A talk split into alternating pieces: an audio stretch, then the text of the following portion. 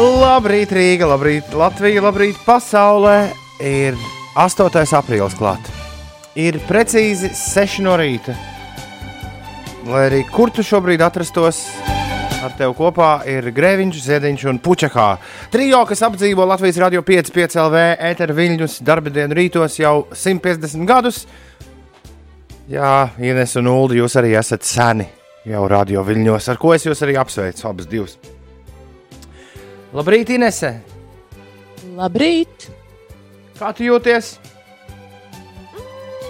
Labi jūtos, lai gan es neesmu vēl joprojām atradusi tādu ārtāko pozu, kā sēdēt uh, pie datora galda. Mazliet tāda sakņu pusē es esmu. Labrīt, Uldi!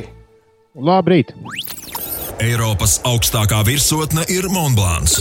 Vai tas tavā dzīvē kaut ko mainīs? Vai Monblāns kaut ko Uldi mainīs tavā dzīvē? Tieši šobrīd nē, bet prieks, ka atgādini īpaši geogrāfijas spēles sakarā. Bet vai tu To vienmēr vajag Eiropas paturēt prātā. augstākā virsotne nav Elbrus?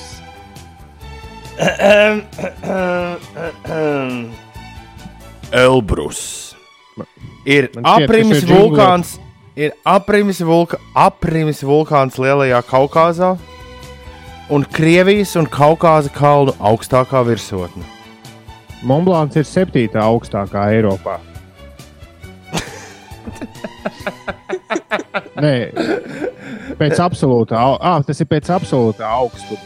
Ines izskaidro, kas ir absolūtais augstums pret relatīvo. Tas ir absolūtais augstums.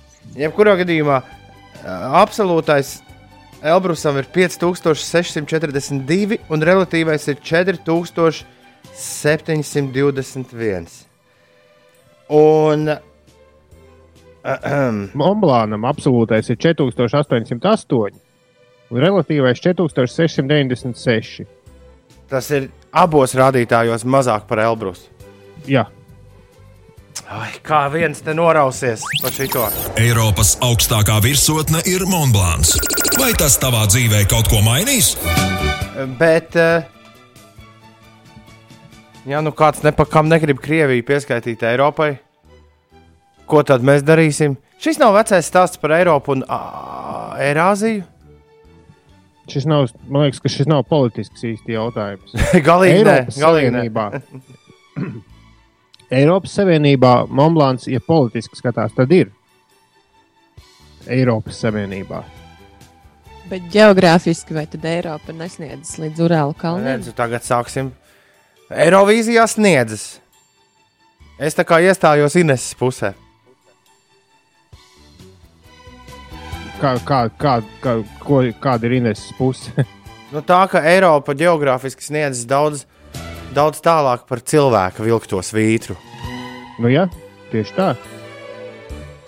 Un, ja Kāpēc Elbrus- vajadzēja mums sākt par šo runāt? Tāpēc, ka Arts Tāpēc- Volfs ir tieši pirms mūsu raidījuma ir ietrāpījies jingls, kur es iepriekš nebiju dzirdējis. Eiropas augstākā virsotne ir Monblāns.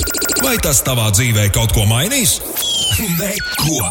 Labāk darba dienās no 9 līdz 1 klausies Magnus Eriņš no 9 līdz 1. Es Un vispār, ja mēs. Elbrusu pieskaitām pie vulkāniem, nevis pie kalniem, tad augstākā virsotne ir Dihtau, kas arī atrodas Kaukāzes kalnos. Viņiem visi augstākie kalni gadījušies.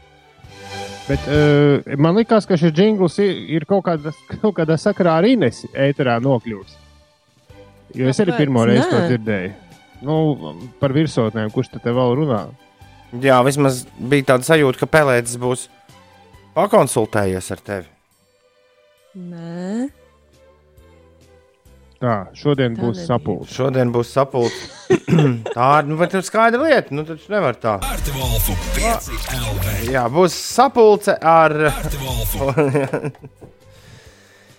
Ai. Mēs nevaram, klausies, mēs nevaram, tu nevar radio esot atrast to veco Latvijas radio vienu jingu, kur tā dāma saka, kļūda, kļūda, kļūda, kļūda. Kā sapriecā? pār- Jūs abi divi tā kā maz bērnu pat sapriecājāties. Tu neatceries šo Es atceros. Nu, Kur es tev tagad viņu sameklēšu? radio? Nu, nekas mēs tikko ierunājām ar Ulu. Man ir jāiet pie datora, kurš ir vēlams. Viņš zina, kur, kur var tik lielajā datubāzē klāt. Tad man tur ir Labi, jāņem nu, labi, labi. kosmosā. Šis nav beidz, beidz čīkstēt. Jautājums bija, vai mums nevajag šo jinglu pašiem pārtaisīt. Kļūda, kļūda! Un tad Ines tādā skolotājas balsī patiesībā Eiropas sniedzas līdz Urālu kalniem geogrāfiski, un Eiropas augstākā virsotne ir kaķi mierā. Eiropas augstākā virsotne ir Elbrus Artivolf. Ja domājat, viņš uzliek šo jinglu, nemaz nezinot, ka mēs esam izlabojuši. Vienīgi viņam pašam laikam, nu jā, vienīgi viņam pašam laikam neskan. E, bet tas būtu labs. Tad, tad, iz, izlabot tā, ka viņš pats to nepamanā. Jā, Tu, tu, kļūda, kļūda. Ah. Nav man jingls ar kļūdu, man ir tikai. Piemēram, šī tāda. Kāpēc lai zirgs zviegtu?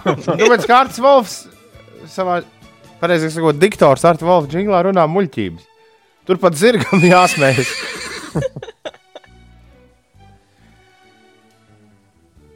labi, pierakstam šo uh, pēcraidījumu darbiem. Labi, lai notiek. E, Es laikam trāpīju ar apģērbu.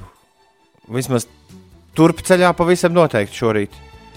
Cimdus gan varbūt es pārāk izdomāju atstāt mājās.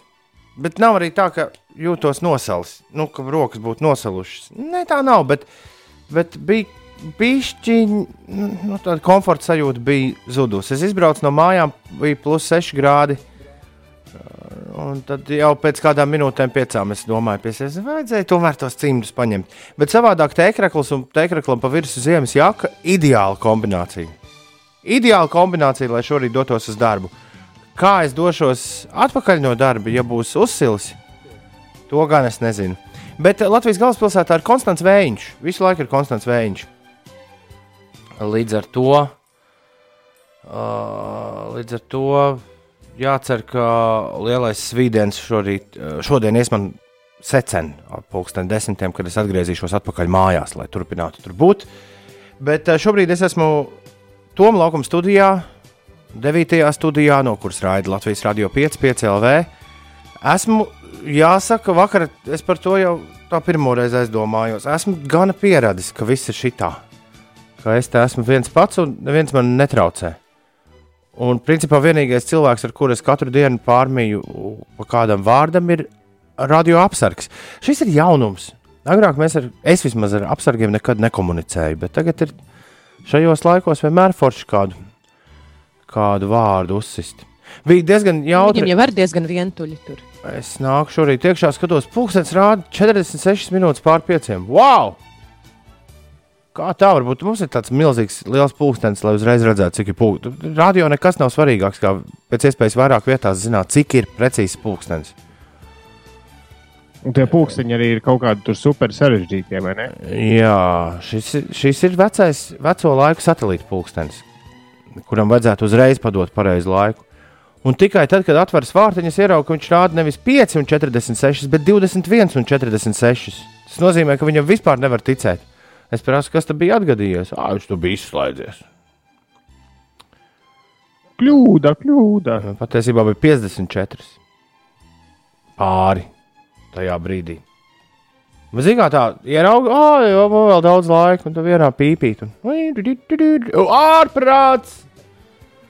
Un skrien, skrien pilno, pilnos ar rikšos uz studiju. Tā kādam var atgadīties. Tā kā cerams, Apsargu kungi stāsta. Nu, neko no šādas mēs tur tādu ikdienišķus, ikdienišķu neko pār, pārmijam. Viens ar otru. Bet, uh, jā, viss labi. Viss ir, viss ir kārtībā. Vakar bija interesants piedzīvojums. Es, kas ir inter- interesanti, attālināti, visu kaut ko sanāk darīt. Man, piemēram, šodien ir no darba brīvajā laikā es esmu apsolījis labiem cilvēkiem, viņiem tur vajag palīdzēt, visādas intervijas sataisīt. Iz- Izrādās, intervijas ar cilvēkiem var mierīgi taisīt.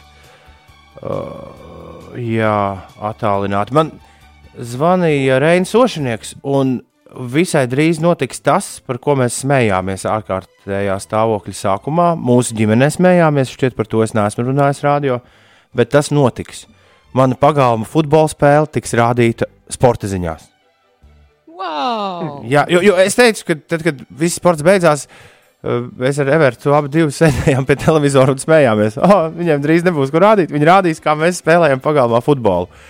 Oficiāli Šodien tiks, mēs paši ar telefonu filmēsim mūsu pagalmu futbolu, un tas tiks rādīts kādā no Latvijas televīzijas sporta raidījumiem. Bet tas ir jauki. Man liekas, ka tas satuvina ļoti cilvēkus. Kāpēc gan lai rādītu tikai profesionālos sportistus televīzijā? Jā.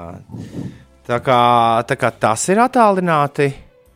Rītdien mēs ierakstām, mēs, es saku, daudzskaitlī, kas tur Tas tā ir tā diezgan nosacīta. Rītdien būs mana sapņu televīzija. Televīzija, par ko es jebkad esmu sapņo, sapņojis kopš, kopš piedzima.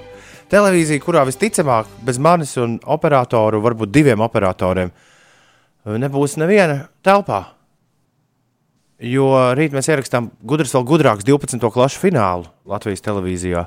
Un pilnīgi visi iesaistītie būs attālināti. Arī visi spēles spēlētāji būs pieslēgti, attālināti.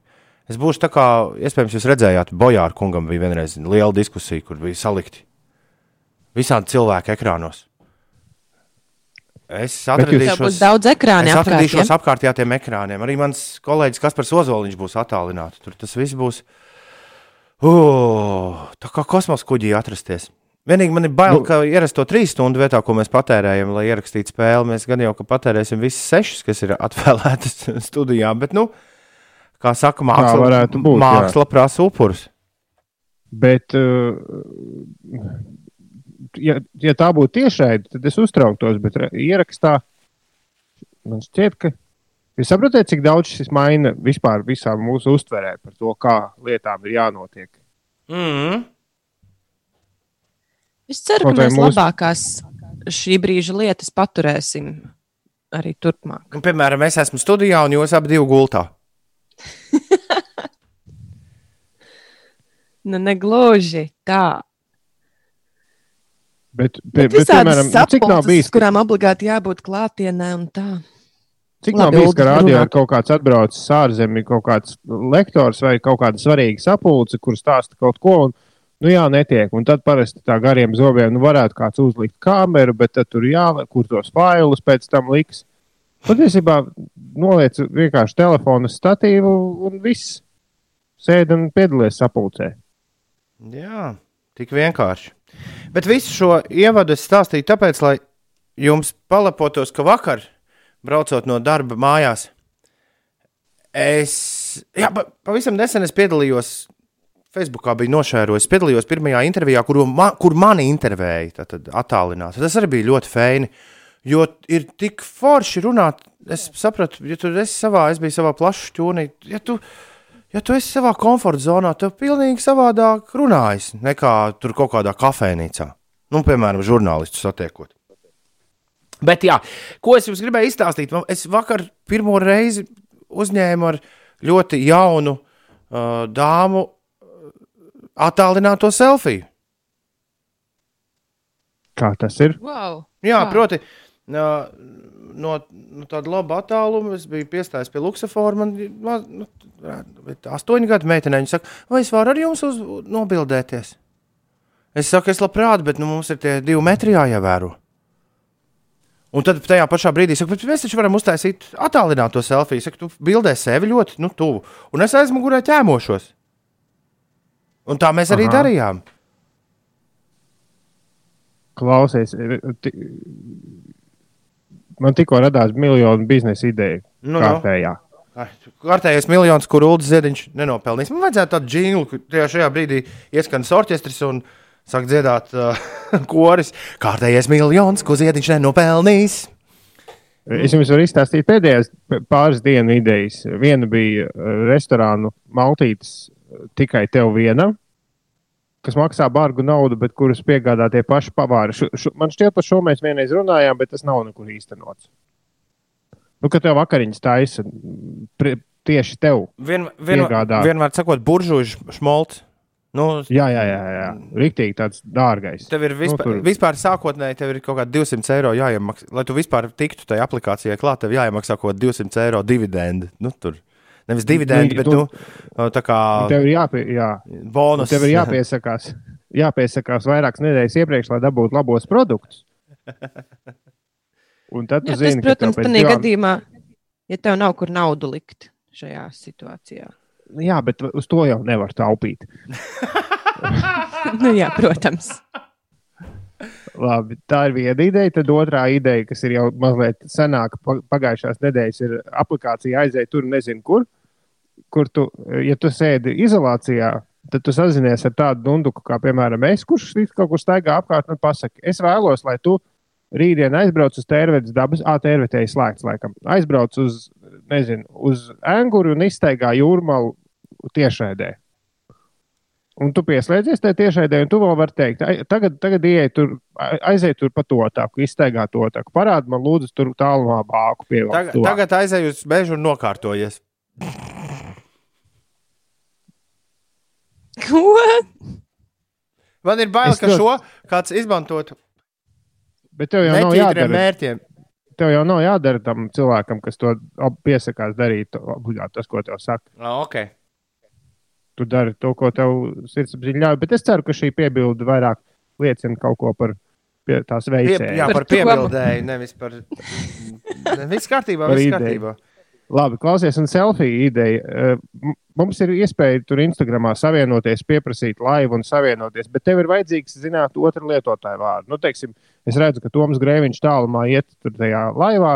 Man ir jāzina, kā tevi sauc, lai paprasītu pievienoties. Jā, Bet iedomājieties tādu lietotni, tu teiksim, uz ielas satiec kādu cilvēku, viņš ir divu metru attālumā, bet jūs vēlaties savienoties vienā telefonā. Un uzreiz kaut kādu Bluetooth vai kaut kādu sakaru veidā, uzreiz tev telefons nopīkst. Jau reku tev blakus stāv šis, vai jūs nevēlat, ne, nevēlētos satikties vienā video čatā. vieglāk nebūtu. Es Alēšu sapņoju, ka tad, kad tās brilles, kuras laikam neieviesīs, bet ja viņas ieviestu, nu, atcerieties, vienā brīdī likās, ka visi mēs nākotnē staigāsim ar brillēm, un tās brilles rādīs mums au- augmented reality, nu, tur visādi Jā. paplašinātu realitāti. Es uh, visu laiku sapņoju par to, ka tie cilvēki, kas būs atļaujuši, tu ies pa ielu un visiem augšā būs tā kā kādreiz simts spēlē. Viņiem viņu Facebook vārds uzvārds griezīsies un, un links. Nu, ka tu uzreiz jau cilvēkiem redzēsi. Ja tu, ja tu Bet ieraugi, Viņi varētu arī noņemt. to varētu noņemt, bet, piemēram, tu ieraugi simpātisku meiteni un tu uzreiz viņai vari piesakot Instagram. Vai simpātisku čāli. Tā tik būtu dzīve, ne? Jā, Visādiem dīvainiem, kas piesakās. Un tāpat tās, jā, jā, un tur arī rādīja tieši tā, kā ko tu vari uzlikt, ka, piemēram, tur rādītu, ko tu klausies, tas, ko Ulas vienmēr grib zināt, ko cilvēki klausās. Jā. Un tad tu, redzē, tu, Un tu kas ir- redzētu skatu un, un teikt, "Ai, kā tu grēviņš to varēji uzminēt, ka gar brīvības pieminiekļa iet neskaitāms Billijas Ailišas ikonas. Jā, kas ir pēdējā filma, ko tu redzēji? Un kurp tu dodies? Asins grupa un bankas konta numurs. Jā, vēl kilometri. Jā, jā vēl, ne, tur var mainīt, tur tos set, tu pats vari pamainīt tos settings. Piemēram, tur No redzi sirds, piemēram, sirds ritmu tu visiem redzi, vai tad uzlikt, ka tu redzi, jā, cik kilometrus viņi šodien ir nogājuši. dzīvē. Nu, jā, Jā, bet tie, tas gan būtu Dzīvē? skaitītājs, kas skaitītu tavus dzīves kilometrus. pēc simts gadiem kāds tavs mazs maz dēls vai mans mazs maz dēls šobrīd šo klausās un smējas bārdā. Jā, jo, kā mums rāda dažādas filmas, kaut vai atpakaļ nākotnē, mums jau šobrīd bija jābūt visur lidojošām mašīnām. Tā, jā. Bet uh, es Alaži esmu smējies, ka kāds. Nē, jo tiešām šis raidījums ir ierakstīts no pirmās līdz pēdējai sekundei, kopš mēs sākām šo darīt 2013. gada rudenī. Un es Alaži nu, nedaudz, nedaudz uh, satīriski izsakos, ka kādreiz kāds students ķersies mūsu kasetēm klāt un nu tad tik šifrēs un taisīs kaut kādu zinātnisko darbu. Bet, ja godīgi, tad uh, man liekas, tur diezgan labs komunikācijās, pat maģistra darbs sanāktu uh, par ar nosaukumu Pieci rītī ārkārtē, ārkārtējās situācijas laikā. Nu, kurā ir izanalizēts viss, ko mēs te darījām no pirmās līdz pēdējai dienai. Mašarei, mašaru, mašarā. Ivčiks no Rīgas ceļā uz darbu ar mums pieslēdzies. Labrīt! Kurš vēl ir ar mums? 293, 120, ir 6 un 29. Ir trešdiena, 8. aprīlis. Cēlies augšā! Today very lucky! Congratulations me! Yay! Ei, ei, ei! Tā! Šodien mākoņu, daudzum paka, mā, mākoņu daudzums pakāpeniski palielināsies, tomēr nokrišņi nav gaidāmi. Pūtīs lēns līdz mērens rietumu puses vējš, gaisa temperatūra teritorijas lielākajā daļā būs plus 12, plus 16 grādi, bet piekrastē plus 8, plus 13 grādi. Tā kā šodien lielais siltums joprojām turpinās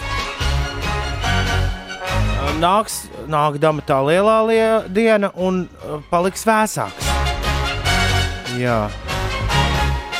Piemēram, gan, gan piekdien, gan sestdien Latvijas galvaspilsētā tikai ap 7-6 grādiem. Svētdien pakāpsies līdz plus 9, un pirmdien būs diezgan lietains laiks. Tā šobrīd sola. Nākamā ceturtdienā atkal būs apakaļ uz plus 11, un tie, vienī, tie nākamās pirmdienas otro lieldienu lieta ir arī vienīgie lieta, kuras es varu ieraudzīt Norvēģu uzzīmētajā kartē par laikapstākļiem Latvijas galvaspilsētā. Meteo vīrs Jānis Strālis, Meteo ziņas Twitterī ziņo, ka vakar Madonas meteo stacijā gaisa temperatūra paaugstinājās no mīnus 3,9 nakts izskaņā līdz plus 20,2 grādiem pēcpusdienā. Līdzīgi bija arī Daugaupilī, un temperatūras amplitūda 24 grādi 10 stundās varētu būt arī maksimums, kas vispār pavasarī ir iespējams. Viena ziemā teorētiski var būt vairāk. Paldies par labo mūziku, raksta Jānis. Palīdz nostrādāt pēdējo pusotru stundu, vismaz miegs vairs nenāk. Prieks, Jāni! Arī dāvis ripo uz darbu, vadeks arī ausās un klausās, lai visiem šodien viss forši, un kraujāns arī dzenceļā uz darbu. Šonadēļ beidzot sanāk laikā piecelties kopš laika maiņas. Ulds gan bija priecīgs, ka laika maiņa pagāja vispār tādu, gandrīz vai nemanītu. Un es esmu priecīgs par to, ka pēc laika maiņas patiesībā vēl labāk kaut kā sanāk, sanāk celties, bet tas man kaut kā tā interesanti pulkstenis sagriezies jā, labākais, sliktāk, grūti pateikt, bet uh, grūti bija nu, tāda. Smags bija tikai pats pats pirmais rīts. Un viss. Rekā. Pēc tam tāda sajūta, it kā nekas nebūtu bijis. Man prieks par jums. Tev gan, jā, tu būtu gatavs joprojām gulēt no rīta līdz vakaram un no vakara līdz rītam. Es nezinu, nu, kaut kas ir pamainījies manos gulēšanas paradumos. Es, piemēram, pagājušo nakti centos iet gulēt pirms 11 un es mostos aptuveni 20 minūtes vēlāk nekā parasti, bet tā sajūta tik un tā nav baigi labā.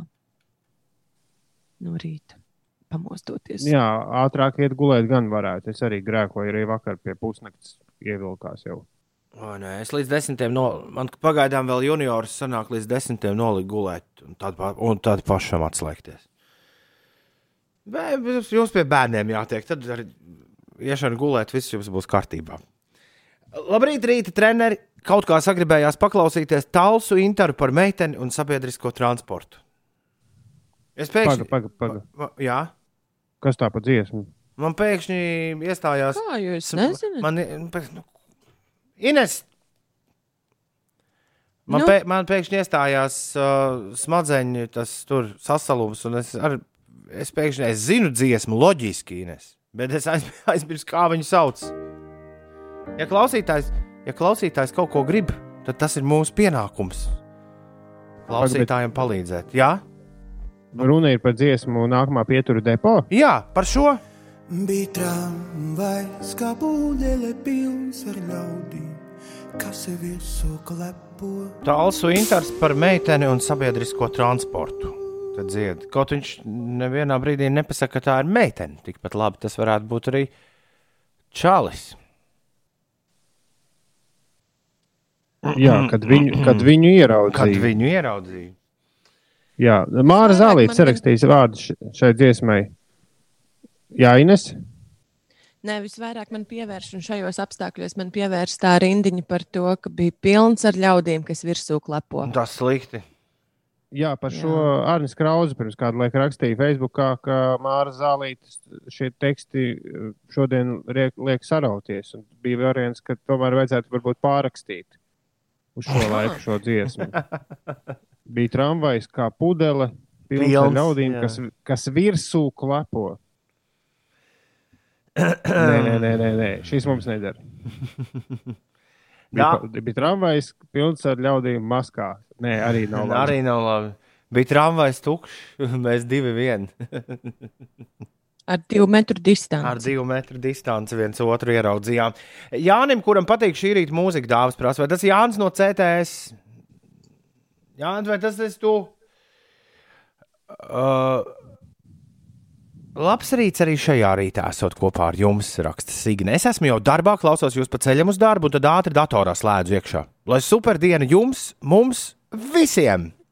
Signe, tā ir uzticība, to es saprotu.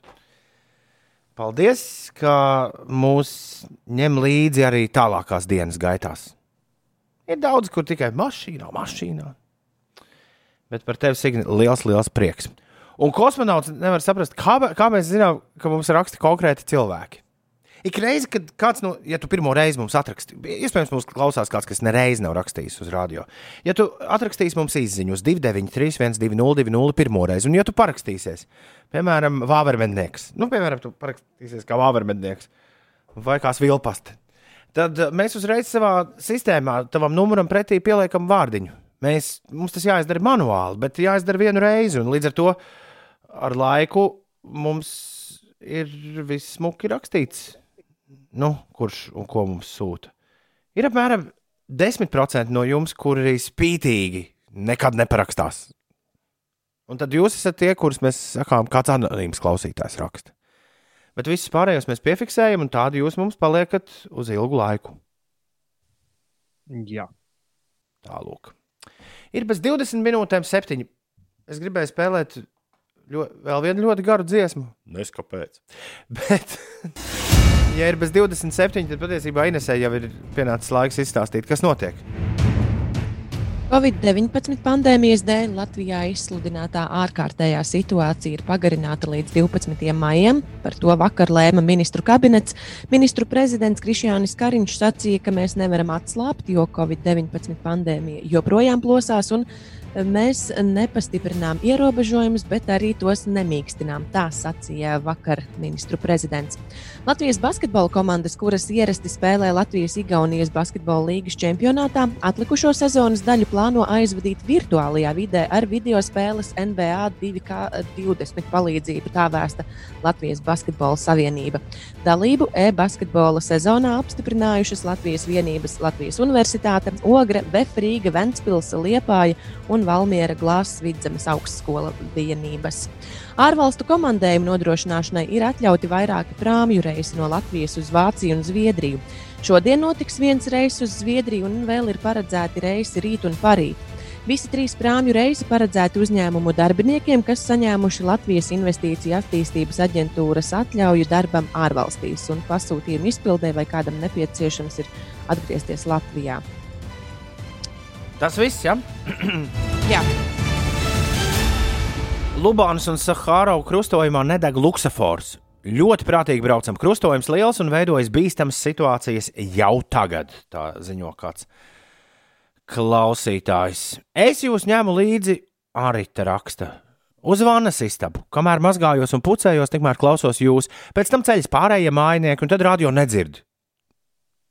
Jo kādam jāsteidzas uz darbu, kādam mūteni vajag pirms dārziņu, tad visi steidzam prom uz darbiem un dārziņiem. Un jūsu dzīvē joprojām viss tā turpinās? Tā te kā tu aprakstīji. Es pilnīgi iedomājos, kā šī dziesma izklausās Liepājas miglā. Liepājā esot ezīts miglā, pilnīgs šajā rītā. Redzamība 20 metri, tā ziņo treneris. Dziesma izklausās jauka no Daugopils raksta Aleksandrs, fotovīrs. Labrīt, Latvijas sveiciens no Daugopils. Labrīt, Daugopils! Kā jums tur pa mājām dzīvojas? Eh, Bet, uh, piedod, Aleksandrs, un piedod Daugopils, bet šis bija veltījums Liepājai sveiciens. Liepājas miglai. Man liekas, ka miglā Bohēmija Rapsodija skan burvīgi. Tā vismaz vajadzētu vajadzētu būt.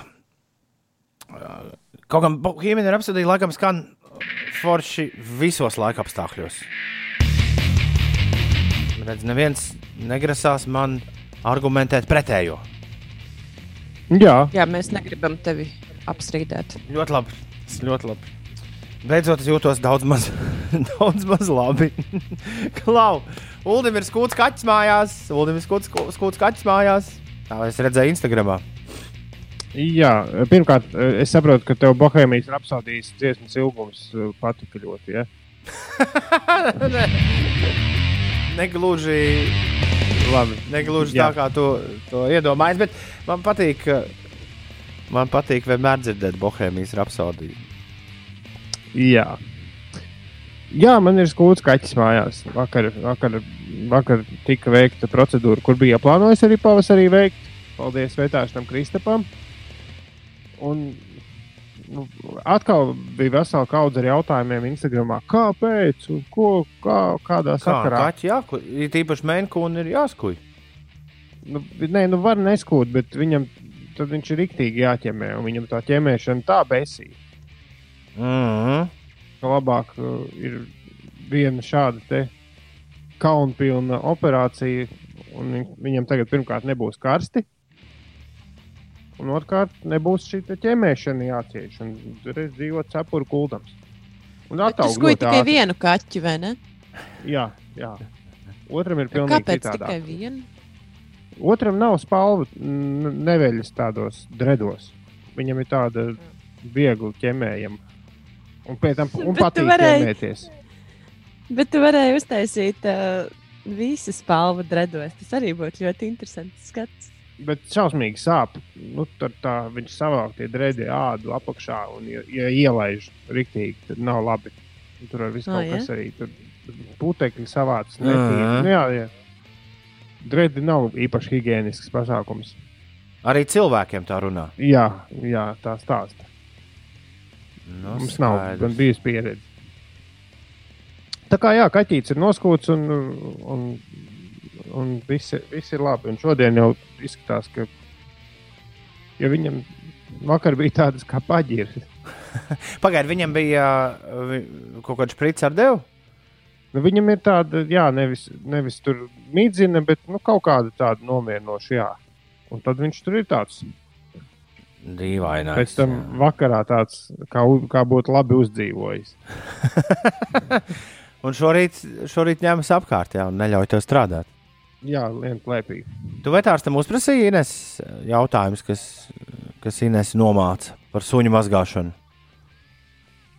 Nepajautāju, bet jautājums bija par to, kādā temperatūrā mazgāt suņus. un Temperatūra esot 37. cilvēku ķer, ķermeņa temperatūra vislabākā. Jā, man, man atbildēja Instagramā suņu pazinēji, suņu mīļi. Pastāstīja visu kaut ko gan par šampūniem, gan par uh, ūdens temperatūrām. Tā kā es esmu izglītota tagad.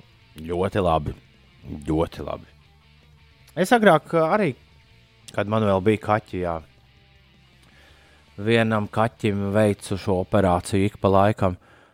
Un uh, ma- uz mani vismaz viņa, viņa pēc tam bija ļoti apvainojusies. Nu, kā es šitā te kaut ko uzdrīkstos tādu veikt. Bet vajag jau, nu, jā, šiem liels palvu kaķiem.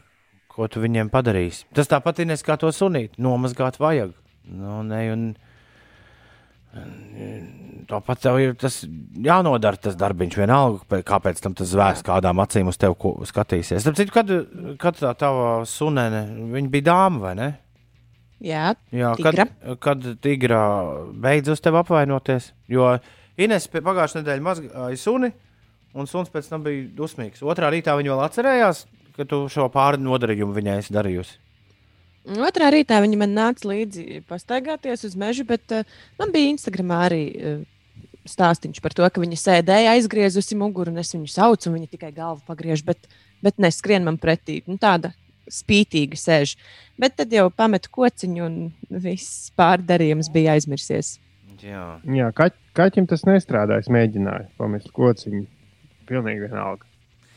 Es esmu, jā, tikmēr viens no stāstiem, kas ir palicis aizkadrā, un tur arī paliks, jo stāsts nav, nav nekas patīkams un izklaidējošs. Un šajā laikā visādas nepatīkamas un neizklaidējošas lietas mums tāpat ir pie, pa pilnam, bet es esmu palicis bez māju dzīvniekiem. Un, uh, jā, droši vien, ka uh, atļaušos uh, tik drīz šo situāciju neatjaunot. Zini, cik daudz dzirdēts par cilvēkiem, kuriem saka, nu, es nemaz. Uh, Es, es, es vairāk dzīvniekus nē, un tad pēc pāris nedēļām jau viņiem klāt ir vai nu maziņš sunīts vai maziņš kaķītis, bet es domāju, ka šis nebūs, šis nebūs mans gadījums. Nu, pagaidīs līdz tā ārkārtējās situācijas beigām, un tad sāks to skatīties. Kaut Ja- tā. Ja tu zinātu visas lietas apstākļus, kā es pavisam paliku bez kaķiem, man bija divi, vēl pagājušā gada novembra sākumā man bija veseli divi. Uh, tad, tad tur- tu varbūt arī dziedātu savādāk. Bet, kā jau teicu, šis nav uh, laikam stāsts, ar kuru es gribu dalīties. Un, tad, kad aiziet kāds tuvs uh, dzīvnieks vai cilvēks, tad jums ir jārespektē tas, ja kāds negrib dalīties ar kaut kādām lietām. Diemžēl. Tā jau mēs šeit izstāstām katru rītu starp 6 un 9, 80% no savas dzīves. Ir bez piecām minūtēm. tie 20. Bet, nu, kaut kas jāatstāj arī memoāriem. Savādāk, iedomājieties, iznāks kādreiz grāmata Ziediņš no A līdz Z, un tur viss jau zināms. Nu, Kam tas der? Links uz radio arhīvu. Vai ne?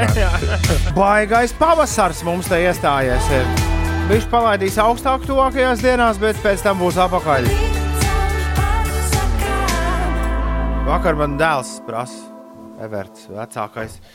Gandrīz, nu jau jāsaka, gandrīz septiņ, septiņ gadnieks šis prasa. Skatās deviņos vakarā ārā viss gaišs. Kas tas tāds? Es saku, dēls. Tas ir tas, kāpēc mēs pulksteni pagriezām. Bet kāpēc ir tik silts? Es saku, o, nu, tur ir tāda meitene, grēta, viņš paaugsies, tad viņi tev pastāstīs, kāpēc ir tik silts. Visi bišķi, nu, par laimi droši vien, visi bišķi piemirsuši, ir, ko viņi mums te pagājušā gada nogalē klārēja. Bet drīz šķitīs, ka tā ir nu, tāda norma. Kādreiz bērnībā vēl sniegs sniega aprīlī.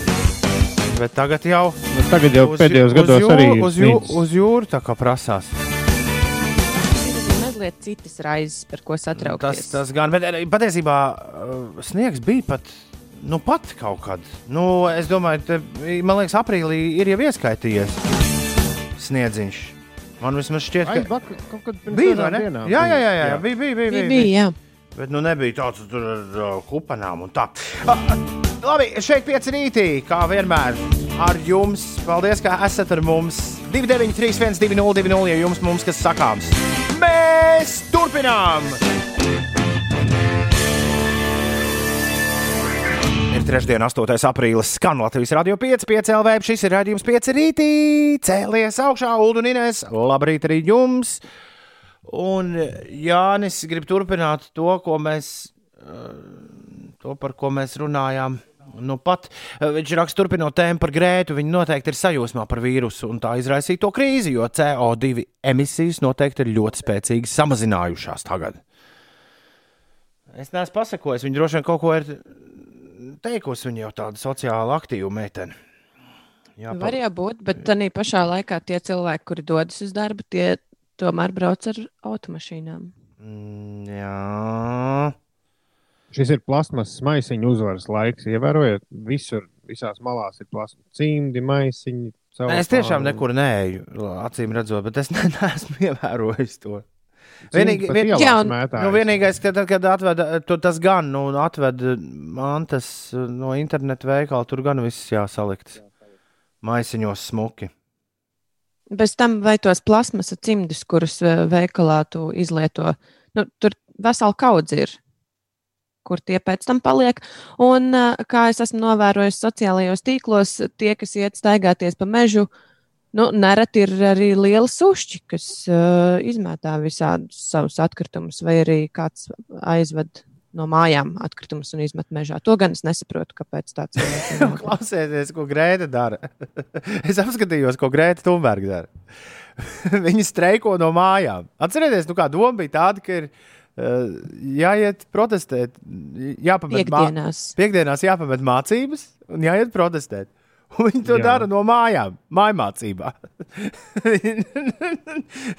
Piektdienā viņa neslēdz iekšā datoru. Viņai ir uzlikts uh, hashtag, uh, tad temperatūras klimata strike online, un viņa visus aicina pamest savas online mācības un turpināt uh, streikot. Esot šobrīd 85. nedēļa. Ā, es nezināju, ka, ka šis viss turpinās. Nu tā, joprojām uz priekšu.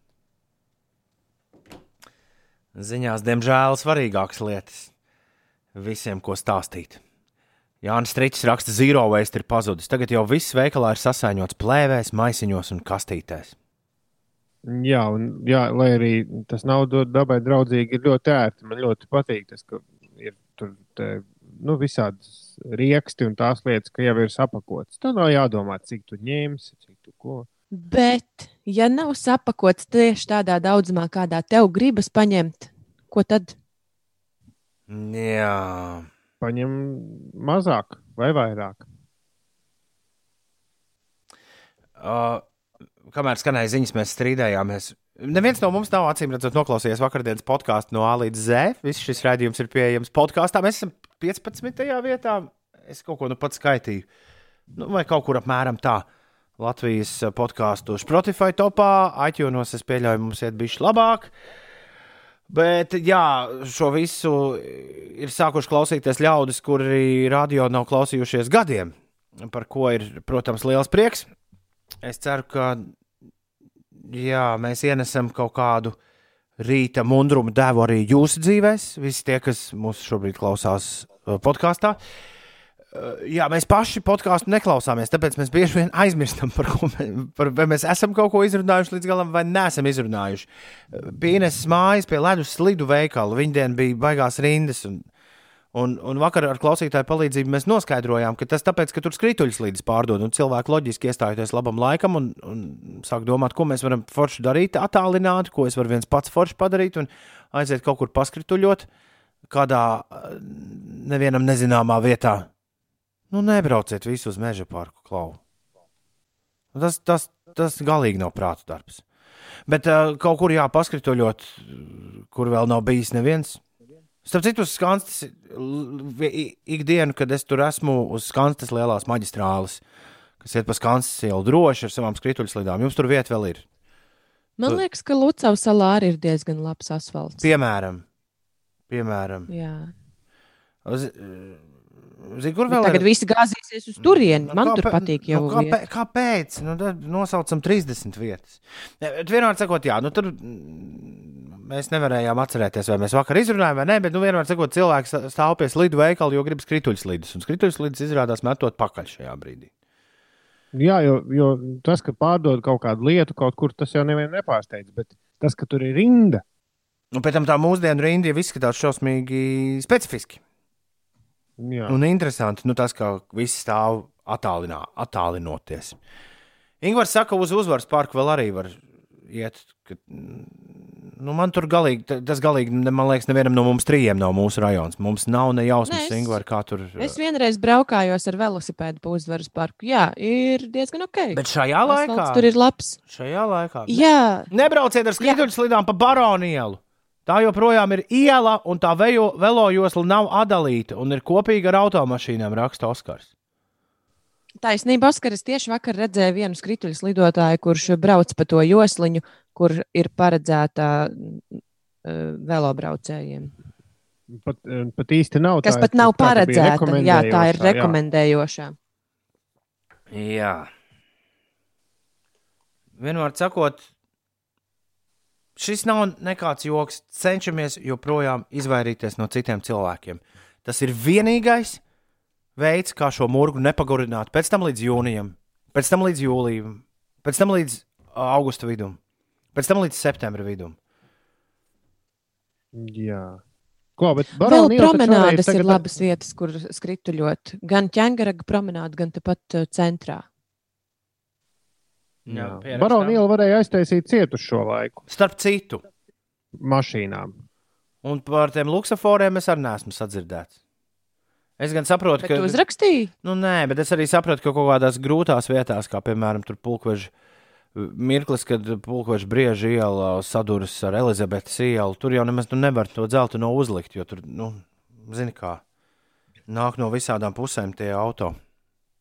Un par, par luksusforiem runājot, tagad ir ļoti interesanti braukt. Es, ja es vakar braucu pie, nu, pie vetārsta ar kaķi, un tad man bija jāizbrauc uz cēsu pusi. Un ļoti interesanti, ka visi tie luksusfori uz lielajām ielām, kas bija ar pogu, šobrīd ir, nu, to arī ziņā stāstīja. Šobrīd viņi paši ieslēdzas uz sarkanu Jā. vai Jā, tā ir. gājēju. Man ir viens uh, luksusfors, es esmu ļoti priecīgs. ka Tā, jo savādāk, uh, vecajos laikos, tad, kad nospiedu to pogu, tu dabūji gaidīt ļoti ilgu laiku. Ļoti ilgu laiku, līdz viņš iedegās. Tagad ir švīks un gatavs. kas, kas eh, mazliet eh, apstiprina sazvērestības teoriju, ka tās pogas ir tikai skatam. Es uh, Ines pamanīju, vakar pirmo reizi sāku pamanīt reklāmas, kas ir uz ielām. Es līdz šim tik ļoti brīnījos par vispār to skatu, kāds viņš ir, ka nebija pamanījis, ka ir parādījušās visādas reklāmas, kurās uh, zīmoli saka, paldies, ka tu šeit nēsi. Tas bija neiet kopā. Man patīk tas Netflix pieejams, par kur mēs runājām pagājušajā nedēļā, ka viņi salikuši pa Losandželosu seriālu spoilers. Ka, ja tu neesi mājās un ej pa ielu, tad tev bojā seriāls uz, uz katra stūra. Bet mūsu zīmols saka, paldies, ka paliec mājās. Bet pagaidiet, es to redzu, nesot mājās. Ja, tur jau Tas bija kā, kaut kāds tā kā lai man sirdsapziņa, ja uzreiz oh, ārprāts, es tagad gribu iet mājās. Jā, varbūt tas nav domāts āķis. tā, ar tādu izteiksmi, paldies, ka paliec mājās, bet ar to nievājošo paldies, ka paliec Aha, mājās, jo redz, tu esi uz ielas. Jā, aha.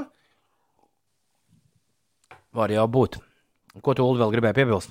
Nē, tur bija kaut kāds āķis tajā reklāmā, ka nu, kaut kā nevis paldies, bet, bet ka, labi, ka tu šo neredzi. Es neatceros, kaut kā labi, ka tu šo Ja, neredzi. bet tādas ir vairākas. Es īsti nedomāju, ka mēs runājam par vienu un to pašu šobrīd.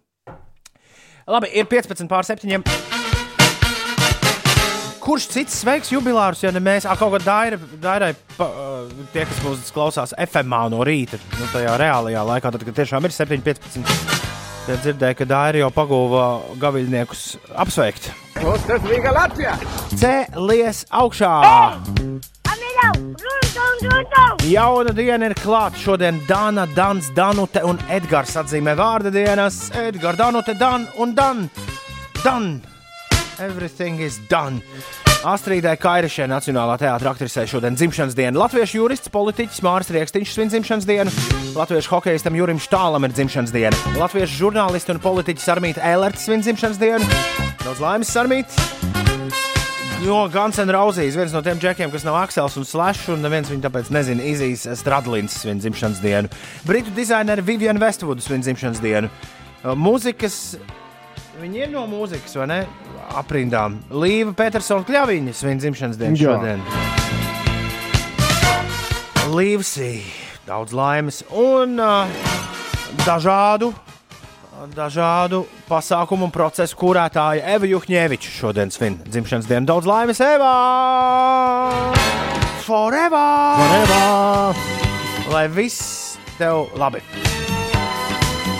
Paliec garāžā! Šogad būs ļoti daudz pabeigtu auto projektu un remontu, saka Jānis Jānis. Tad es tieši pie pāris garāžām esmu tāds bišķi jau kaut ko uz tusiņu pusi manījis. Es šobrīd kratu pirkstu. Nebrauciet uz ķēngaraga promenādu. Te jau tā cilvēki pastaigājas, un policija brauc ar skaļruņiem, lai cilvēki ievēro distancēšanos. Tā ietver pārāk šaura. Tā ziņo kāds klausītājs. Es braucot ārā no Rīgas, redzēju cilvēku braucošu pa A2 Siguldas virzienā ar skrituļu slidām. Beidzot, arī mūsdienu jaunatnē būs ko stāstīt nākotnē. Jo mums bija padomju savienības laikos, bija tā un tā. Tad jaunatne stāstīs par Covid laikiem un slaveno divu metru ēru, tā raksta iekšķiņš. Lucāusala brīvdienu rītos jau ap astoņiem rītā ir diezgan apdzīvota, raksta Ieva, jālīkumo distances ievērošanai. Erika Konkuls ziņo, ka veloceliņš imantā ir pilns ar visveidu ripinātājiem. Un kāds mums nezināms klausītājs prasa, vai mēs varam apsveikt viņa dēliņu Edgara vārdu dienā. Edgars! Sveiciens vārdu dienā! Jā, tad jau es izmantošu iespēju arī apsveikt Dānu vārda dienā. Daudz laimes, Dana. Ai, trešajā klasē vis meitene, kas man visvairāk patika, bija Dana. Jā, iet papētīt, ko nes viņa tagad dara. Ja vien es uzvārdu atcerētos. Un noteikti tas jau, var, tas jau var droši vien mainījies, jā, pāris reizes pa šo laiku. Tā kā turpināšu nu darīt to, ko es daru, nevis te kaut ko darba laikā sociālos tīkloties. Kad Marta man parādīja šīs dziesmas demo, tad es viņai pretī aizrakstīju, es teicu, nu, tas dziesma normāli. Bet, bet kāpēc tev visu laiku tie bijušie draugi nāk apakaļ? Nu, tekstu klausoties. Abi divi sasmējāmies, un, un jautājums, protams, palika retorisks. Atkal tu tas ir jaunākais Martas gabals. Labrīt, Marta, ja tu esi pamodusies jau un šo klausies. Uh, tas bija sarkastisks joks grēviņu gaumē, nu pat nevis kaut kas cits. Un uh, pirms tam The Weekend ar After Hours ir 7,25. Ir tagad man jānospiež šī poga, Mieru, tikai mieru. un tad šī poga. Ines, kas notiek? Jā. Mazliet sastrēgumi ir Rīgas ielās izveidojušies. Jūrmālas gatavē posmā no Dzirciem ielas līdz Kurzemes prospektam ir jākavējas gandrīz 7 minūtes. Klusā iela sastrēgusi uz 5 minūtēm, un līdzīga situācija arī Čaka ielā posmā no Tallinas ielas līdz Matīs ielai. Vēl Ventspils iela, tas eh, pārdaugavā ir uz gandrīz 4 minūtēm, mazliet, mazliet sastrēgus, bet citās ierastajās sastrēguma vietās gan viss ir diezgan mierīgi. Šodien pēcpusdienā gaisa temperatūra Latvijā sasniegs plus 14, plus 17 grādus, bet daļā piekrastes tā būs tikai plus 8, plus 13 grādi. Tā prognozē sinoptiķi. Laiks būs sauss un saulains, būtīs lēns līdz mērens vējš no rietumu puses. Galvaspilsētā visu dienu spīdot saulē, gaiss iesils līdz plus 16 grādiem. Vēsāks būs pie jūras, gaidāms lēns vējš. Tad eh, Latvijas basketbola komandas, kuras ierasti spēlē Latvijas-Igaunijas basketbola līgas čempionātā, atlikušo sezonas daļu plāno aizvadīt virtuālajā vidē ar video spēles NBA 2K20 palīdzību. Tā vēsta Latvijas Basketbola Savienība. Dalību e-basketbola sezonā apstiprinājušas Latvijas vienības Ogre, Latvijas Universitāte, Vefrīga, Ventspils, Liepāja un Valmiera Glāzes vidzemes augstskola. Bez jebkādas a- apspriedes ar producentiem vai savā starpā mēs, eh, protams, ka beidzām eh, rubriku sporta stūrītes līdz ar, līdz ar brīdi, kad beidzās sports. Līdz ar to mēs īpaši sportam nepievēršam uzmanību šajā raidījumā. Un tomēr šo, ko tu nu pat jau stāstīji otro reizi šorīt, es vēlējos nokomentēt. Nu, nu, Nu? nu kāds, sak, kāds sakars ir atletiskajam? Es daudz šobrīd ar roku pa galdu. Nu, kāds sakars ir atletiskajam sportam ar, ar, ar datorsportu? Man šķiet, ka tie cilvēki, kas veik, labi spēlē video spēles, ir pavisam ar citām dotībām nekā, nekā tie džeki, kur māca trīs punktniekus iemest.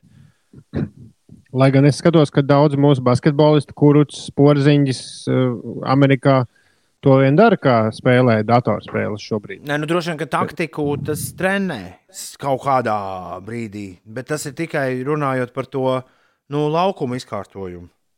Nē, nu man šķiet, ka šī ir joku ziņa. Nu, tāda, nu, varbūt ne 1. aprīļa ziņa, bet nu, tā nav gluži nopietna. Pa domāju. pilni jāņem. Alright. Un vēl es droši vien to 2K20 Ines sauktu par 2020. Nē, to sauc 2K20. Tā ir arī jāsaka. Jā, labi, ok. Ok, lai būtu. Ir ā, 7,28. Vēlos nodot sveicienu motoristam Edgars no Ikšķilas. Pats labākais motorists Latvijā un ļoti labs cilvēks. Jūs varbūt varat kādu labu hip hop gabalu uzlikt, raksta Jānis Jānīts. Viņam ļoti pie sirds iet. Piemēram, Cypress Hill, Insane in the Membrane. Uh, kurš šis būtu labi?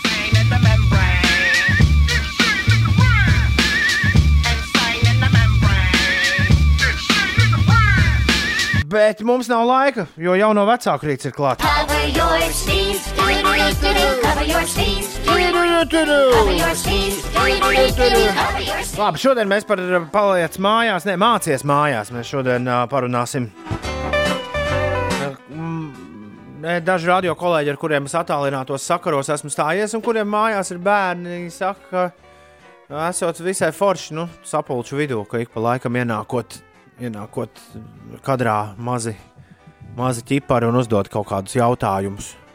Un man arī ir bijušas sapulces, kurās jūs esat redzējuši manus, manus dēlus. Un, jā, nu, mājmācības ir ieguvušas nu, jaunu, sākot ar pirmdienu, jaunu kvalitāti. Jo Tava klase LV ir palaista veseli divi kanāli, kuros var jaunie cilvēki visu kaut ko mācīties. Un uh, mans uh, gandrīz septiņgadnieks, kura viena no viens no hobijiem ir matemātika un rēķināšana. Par pirmās klases matemātiku izteicās, ka es jau tur visu zinu, nu, noskatījies mācību stundu. Un tagad ir iepirkta būrnīca un arī kaut kāda speciāla uzdevuma būrnīca. Nu, tik gaida otrās klases matemātiku, kas šorīt būs 9,40 minūtēs. Jā, kanālā. Interesanti, ka tur arī šobrīd iet, nu, tur iet tāds tā kā uh, nu, uz rīņķi jingliņš par tavu klasu. Mūzika arī skan. Re, kur es ieslēdzu paklausīties.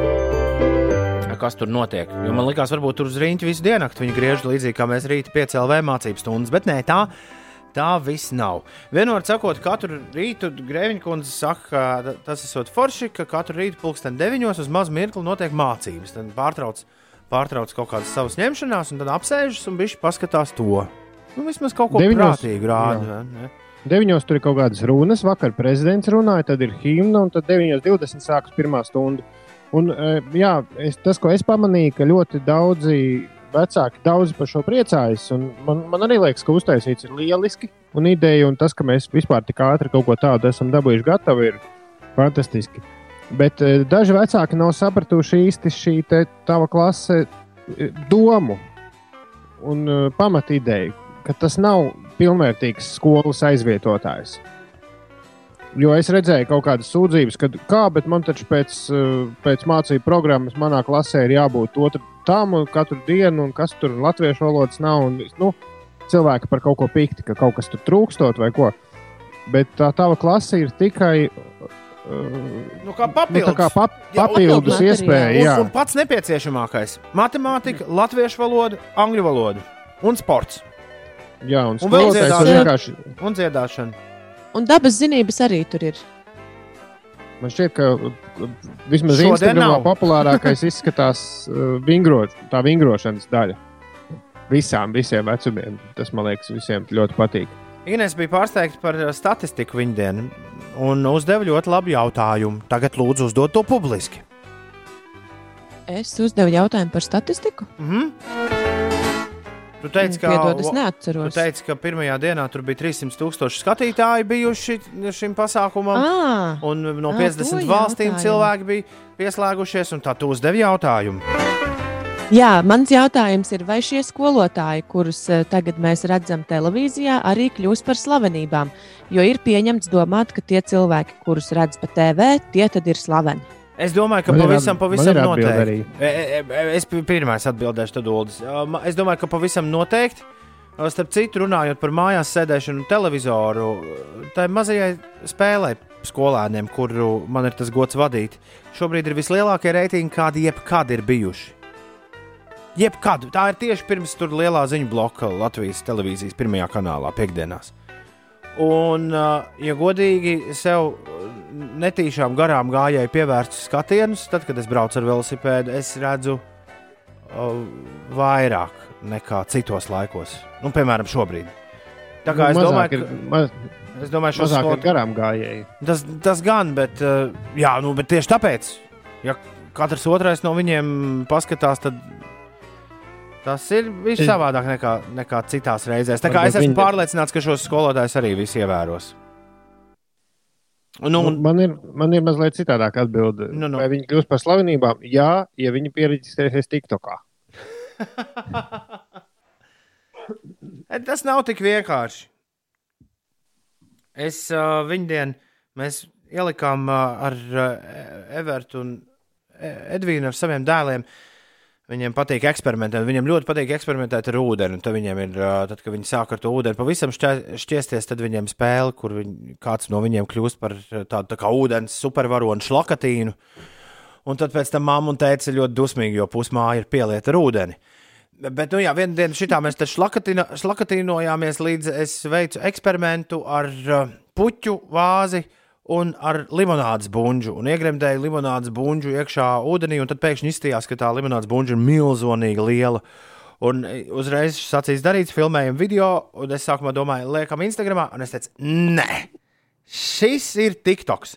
Un es biju kaut kad teicis, ka es negribu vērt šajā ārkārtējā situācijā TikTok nemaz vaļā. Man tas nav vajadzīgs. Un, starp citu, arī, nu, pat es atvēru, es cenšos neskatīties. Paldies Dievam, man Marta Grigala parādījās pirmā.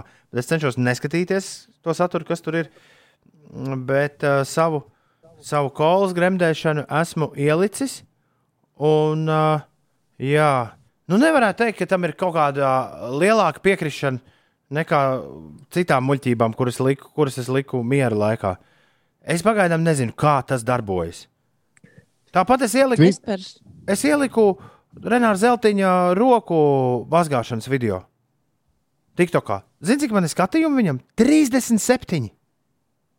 Bet vai tas ar kaut ko atšķīrās no, no visa pārējā satura? Ko lūdzu?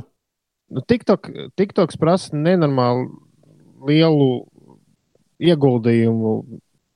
Tie visi video, kas tur, ko es redzu, kas, kas kļūst vairāk, jo es arī neesmu šajā lietotnē, kurā ir daudz jaun, jauniešu, tāpēc mēs par to runājam jau no vecāku rītā.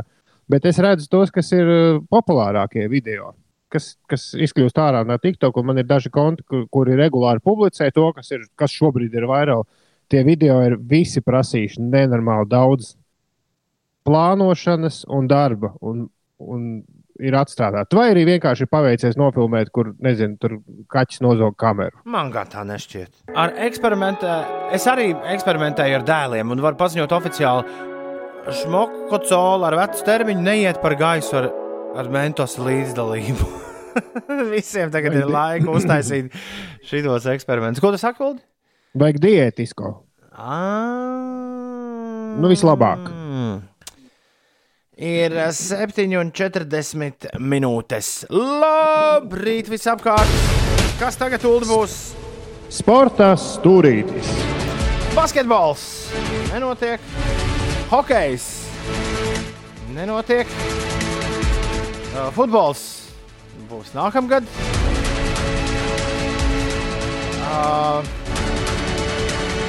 Boks pārcēla. Tenis uh, nebūs. šogad, jā. Tas bija sporta stūrītis. Ir uh, 7,41 minūte.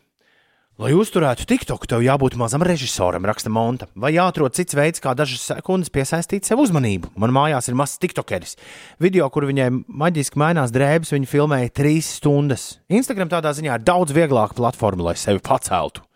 Nu, jā, A, Tad, ja man neiet TikTokā, kur man tiešām neiet, es pret, pie, piemēram pret Bāliņu kungu, es tur esmu niecība. Tev ir es, es jābūt- gan tur arī nu jāiet- reizi mēnesī. Bet, bet tas nozīmē, ka es esmu slinks, ja internetā valodā runājot. Nē, nu, eh, es, es, kamēr skanēja dziesma, es izdomāju vēl vienu veidu, kā kļūt slavenam TikTokā. Vai nu tu iegūti ļoti lielu darbu, reži, režisu, režisējot pats savu video, vai nu tev ļoti paveicas, vai trešā lieta, kas ļoti labi iet, filmē kaut kādu nu, rīktīgu stulbu. Nu, baigi stulbu. Ah, kāpēc mums vispār ir jārunā par TikTok? Vai ne? Tāpēc, ka bērniem tas ir aktuāli.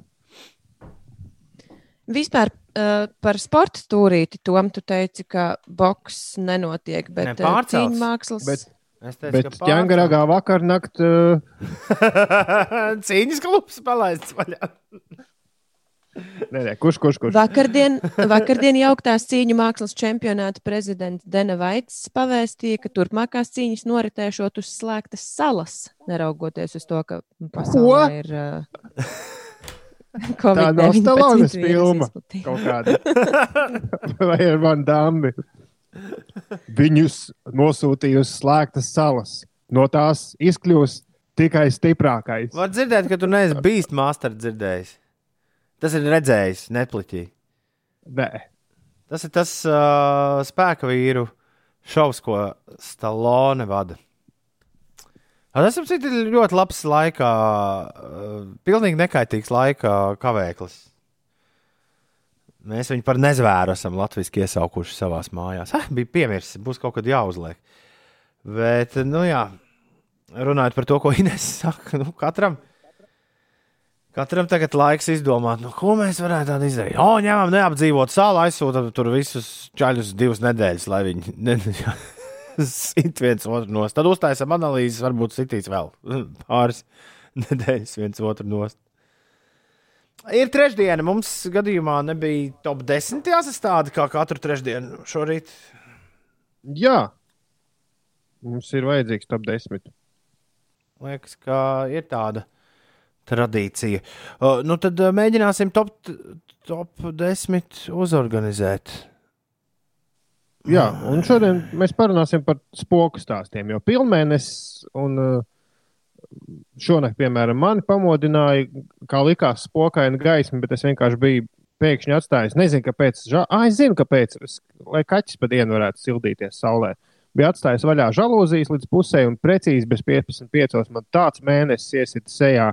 Un tā gaisma bija ļoti spokaina. Bet es nekad, jā, bet es nekad neesmu redzējis, nu, vismaz iedomājies, ka esmu redzējis spoku. Kā ir jums? Man bija, bā, man bija milzīgs gaitenis uh, dzīvoklī, kurā es pavadīju pirmos savus dzīves gadus. Milzīgs, milzīgs gaitenis. Tu kā rīktīgi milzīgs. Tas bija forši pa dienu, jo varēja, piemēram, ar velosipēdu braukt pa viņu. Nu, līdzīgi kā Stanley Kubrika leģendārijā spīdēšanā, The Shining filmā. Bet naktī, ja nebija ieslēgtas gaismas, nu, tas bija vāks. Galvenais, ka tajā gaiteņa otrā galā bija virtuve. Mani uz virtuvi neviens nevarēja pierunāt, aiziet, jo es biju pilnīgi pārliecināts, ka tur kāds ir. Nu, ieraudzīt gan es to kādu nekad neieraudzīju. Bet uh, nesen, neiedziļināšos detaļās, es uzzināju, ka zemapziņā gan tas viss man kaut kur tur ir, jā, bišķi pabojājis šo to. Jā, Bet re- spokus bija ļoti viegli redzēt kolektīvi. Jo es atceros, ka skolā mēs kaut kādā tumšā skolas pagrabā gaitenī, un visi tur kaut ko saskatīja, kaut kādu gaismiņu un kaut ko, kas tur rēkojas. jā, jā, jā, jā. Un, un es, es, es pats pēc tam pie sevis savā nodabā padomāju, ka īstenībā jau es neko neredzēju, bet es teicu, ka redzēju tāpat kā vispār. Regēja mūzikas festivālā arī Ulu var spokus visādus kolektīvus saskatīt. Jā, bet tad, tad šoreiz spoku stāstu. Vai, vai nezinu, tur Chemical Brothers koncertā. Bet, uh, Ines, eh, vai tu kādreiz Jā. esi redzējusi spoku? Um, es esmu. Man vecāki ir stāstījuši, ka bērnībā es esmu redzējusi cilvēkus uh, mājas apkārtnē, ko viņi nav redzējuši. Es gan pati šo faktu neatceros, bet uh, viņi saka, ka es esmu viņiem teikusi, rekur taču pie dīķa tante stāv. Oho, Um, oho, Tad, uh, oho. Tā bija tā- dīķa tante. Tā Mēs pasaka, ar- ar... vārds tante, uzvārds dīķe. Mēs ar klases biedriem skolā esam mēģinājuši izsaukt visādus tos uh, mošķus speciāli, bet uh, nekas tur nav izdevies. Un, protams, ka es esmu biedēta arī ar, uh, ar, ar spokiem. Ā, Bet šorīt mēs gribam no jums dabūt ārā Un redzēšanas stāstu. Kur, kad jūs redzējāt spoku? Kur, kur šis bija? Jā, un tiem, kas saka, ko tu pieci rīt tur mūlt par pilnmēnešiem un visādām ezotēriskām lietām, kritiskā domāšana ir laba lieta, bet iedarbinam arī humoru izjūtu. Lūdzu. Redzēju spoku. Tāds ir uzstādījums šī rīta. Top 10. Top 10. 2931, 2020. Atsūtiet savus spoku stāstus mums 2931, 2020. Mieru, tikai mieru. Ir 7,47. Ines, kas notiek? Par laikapstākļiem trešdienas pēcpusdienā gaisa temperatūra Latvijā sasniegs plus 14, plus 17 grādus, bet daļā piekrastes tā būs plus 8, plus 13 grādi. Laiks būs sauss un saulains, pūtīs lēns līdz mērens vējš no rietumu puses. Galvaspilsētā visu dienu spīdot saulē, gaiss iesils līdz plus 16 grādiem. Vēsāks būs pie jūras un gaidāms lēns vējš.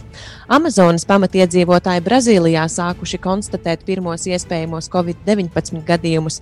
Problēmas rada rada tas, ka veselības aprūpes pakalpojumi ir koncentrēti tikai lielākajās pilsētās, un paaugstināts risks ir veselības aprūpes darbiniekiem, kuri dodas uz nošķirtajiem ciemiemiem un tiem eh, pamatie, un tām pamatiedzīvotāju kopienām, kas dzīvo pilnīgā izolācijā. Par ko tieši tu smejies? Par kailā fūristu izziņu. Jā, speciālisti brīdina, ka šīs etniskās grupas var tikt pilnībā iznīcinātas, ja vīrus tās eh, sasniegs tas Amazonē. El- Vēl ziņa par to, ka ārvalstu komandējumu nodrošināšanai atļauti vairāki prāmju reisi no Latvijas uz Vāciju un Zviedriju. Šodien notiks viens reiss uz Zviedriju, vēl ir paredzēti reisi rīt un parīt, un visi trīs prāmju reisi ir paredzēti uzņēmumu darbiniekiem, kas ir saņēmuši Latvijas Investīcija attīstības aģentūras atļauju darbam ārvalstīs. 7,48 minūtes. Redzējis poku. Savus spoku stāstus sūtiet mums šurp uz 293, 202, un visai drīz mums būs spokains top 10. Man ir vecmāmiņa ienākusi studijā. O, spoks! Es reiz redzēju, es arī reiz redzēju spoku, bet ne pa ho. To ar dēli jau minētu uzlikt. Man teikt, tā labi pie sirds ir tā, kā viņi te dzied. To ejos man prātu. Man arī patīk, ja man nejauc prātu nevien. Mēs varam, es domāju, nokārtot vecmāmiņai, vai ne? Aminatu. O, tas ir būtu labi, tas būtu labi. Te būs tev vecmāmiņa. Nu, paldies, paldies. Naktī man miega nav. Pēc piecām astoņi. Tame Impala. It might be time. Tavā rīta radio. Varani. Trešdiena, 8. aprīlis. Laiks vispocīgākajai lietai, ko mēs jebkad šeit esam darījuši. Mums šorīt ir speciālais spoku top desmitnieks. Tā.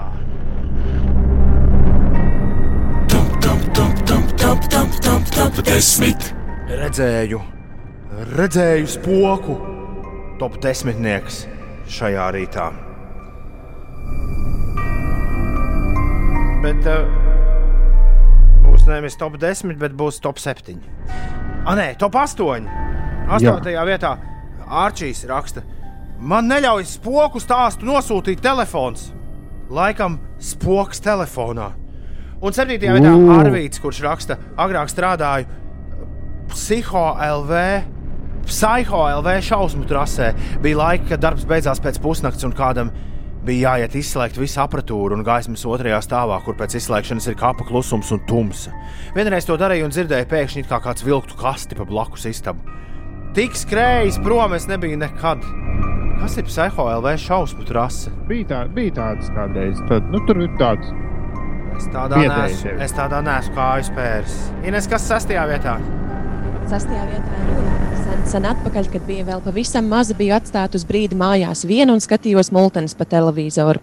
Izdzirdēju šausmīgu troksni no virtuves, kaut kas čaukstēja un grabēja. Troksnis nebeidzās, un es šausmās lēnām gāju uz virtuvi. Sirds daudzījās briesmīgi, bet tomēr vēru vaļā virtuves durvis. Un izrādījās, ka mamma virtuvē ir atstājusi līdeku plasmasas maisiņā, kas izrādījās dzīva. Kaut kāds stulbums tāds.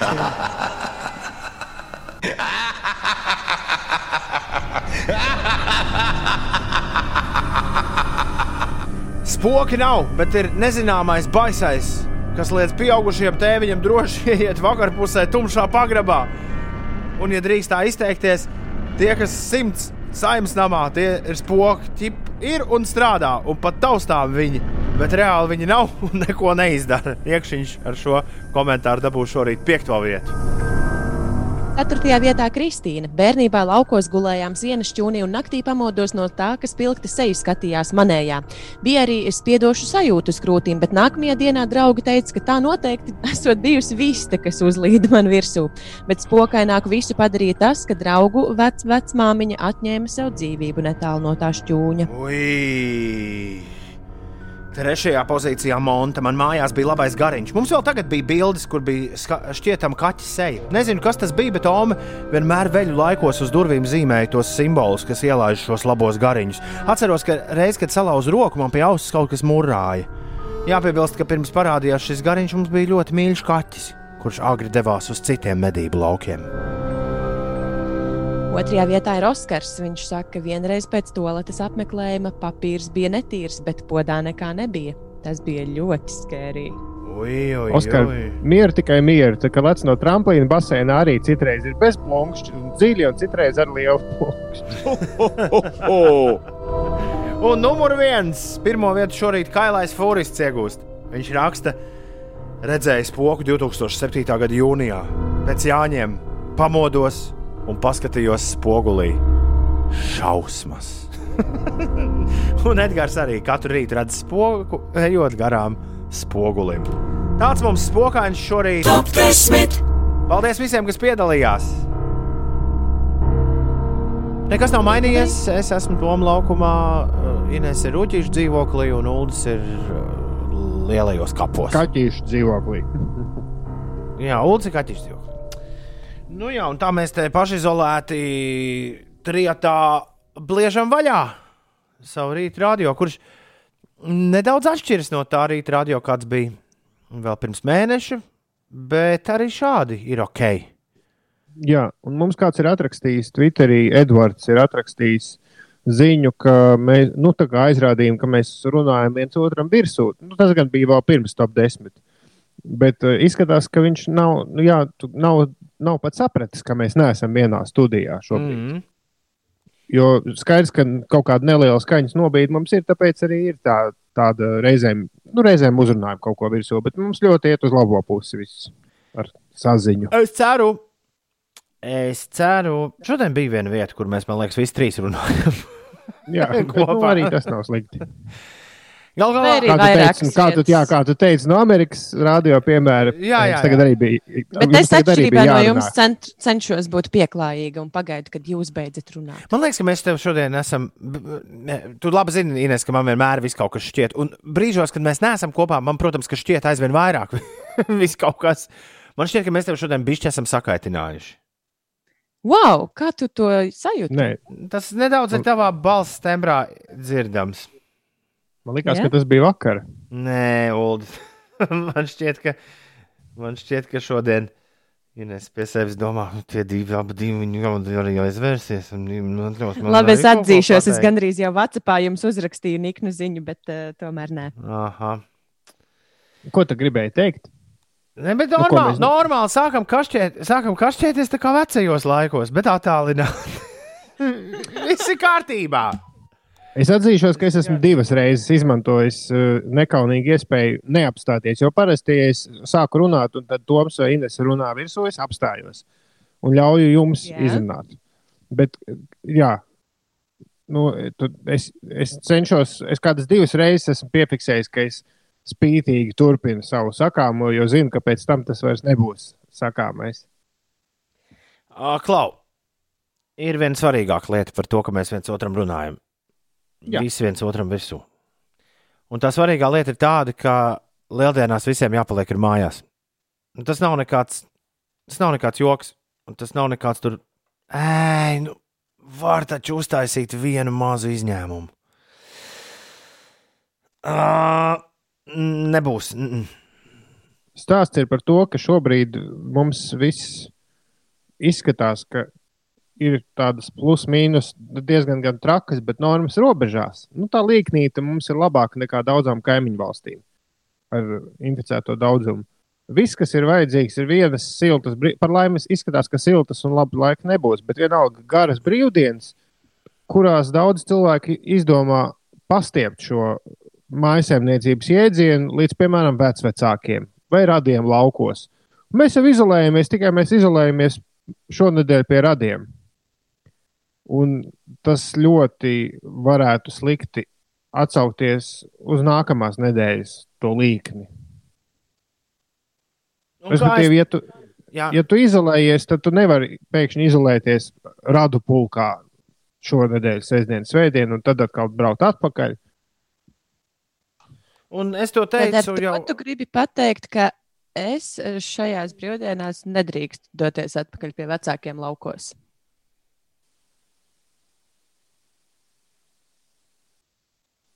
Nu, Jūs pazudāt? nevajadzētu.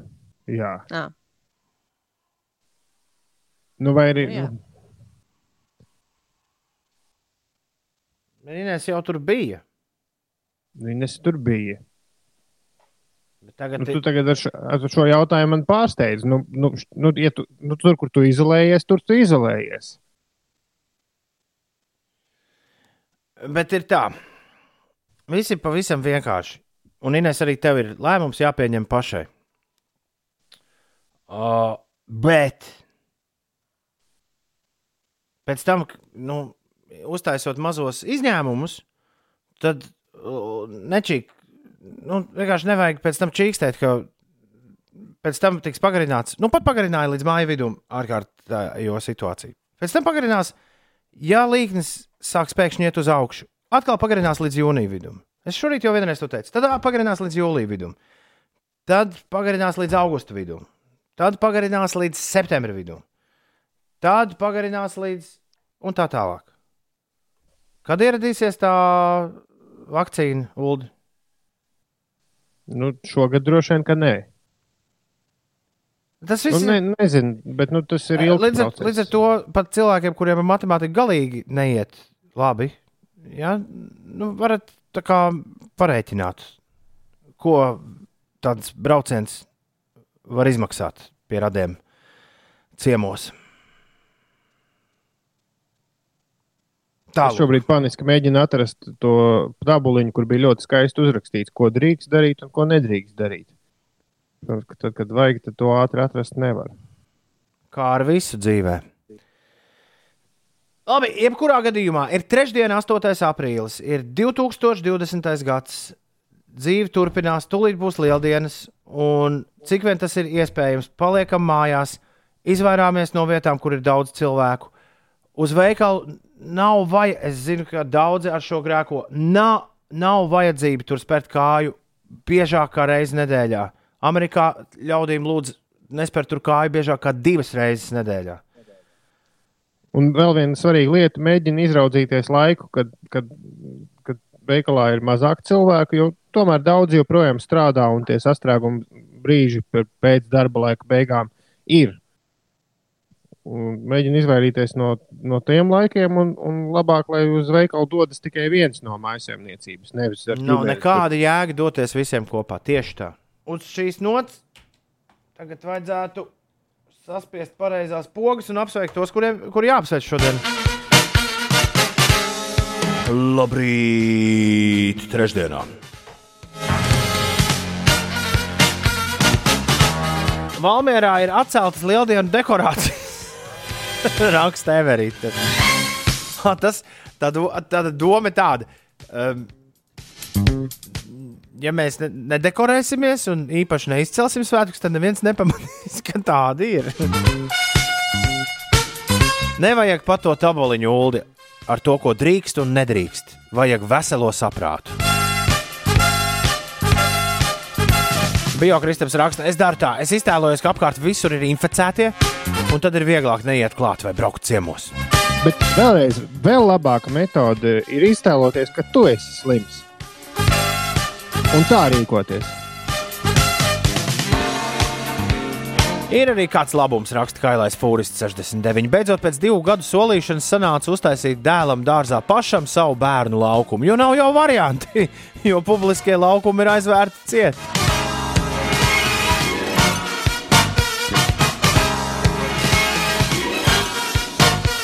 Labrīt par to izolēšanos lieldienās. Jāsaka, tā, priecājieties, ka nav Ziemassvētku un jaunais gads.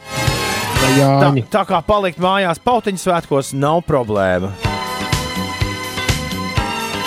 Jā, šis būtu labs sauklis. Tu nu pat Ulu pateici, salikt visu to kopā. Šis ir labs sauklis. Bez ballītes lieldienās toties kāda būs Jāņos. Nu, vai arī ballēs lieldienās? Neballēs Jāņu.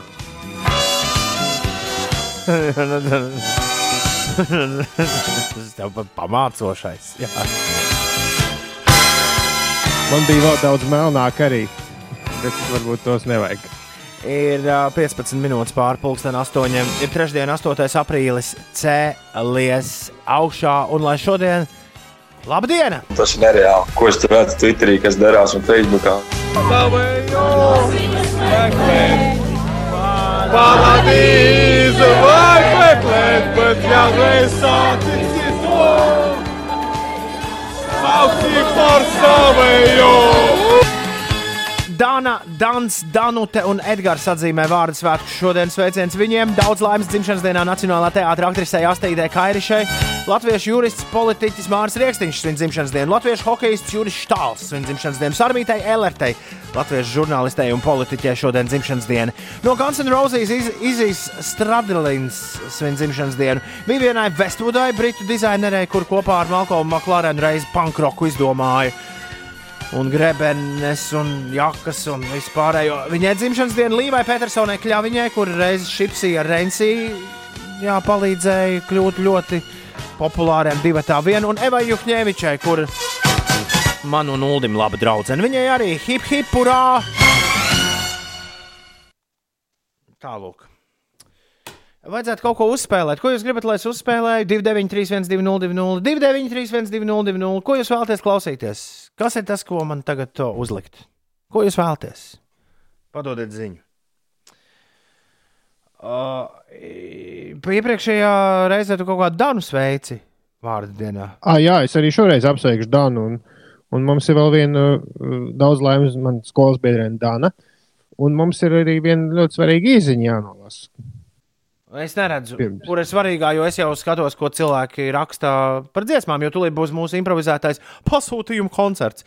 Ja precīzāk, mēs vienkārši tā vietā, lai spēlētu citas dziesmas, gribam uzspēlēt kaut ko īpašu jums, to, ko jūs gribat dzirdēt, nevis to, ko algoritms saka, Bet es vai domāju, ka vidējais klausītājs grib dzirdēt. Par to tumja īziņu. Jā, viņš jau divas reizes ir atsūtījis, jo viņa mazajam bračkam Edgaram ir vārdu diena šodien. Oh, es ļoti atvainojos. Uldi, laid vaļā!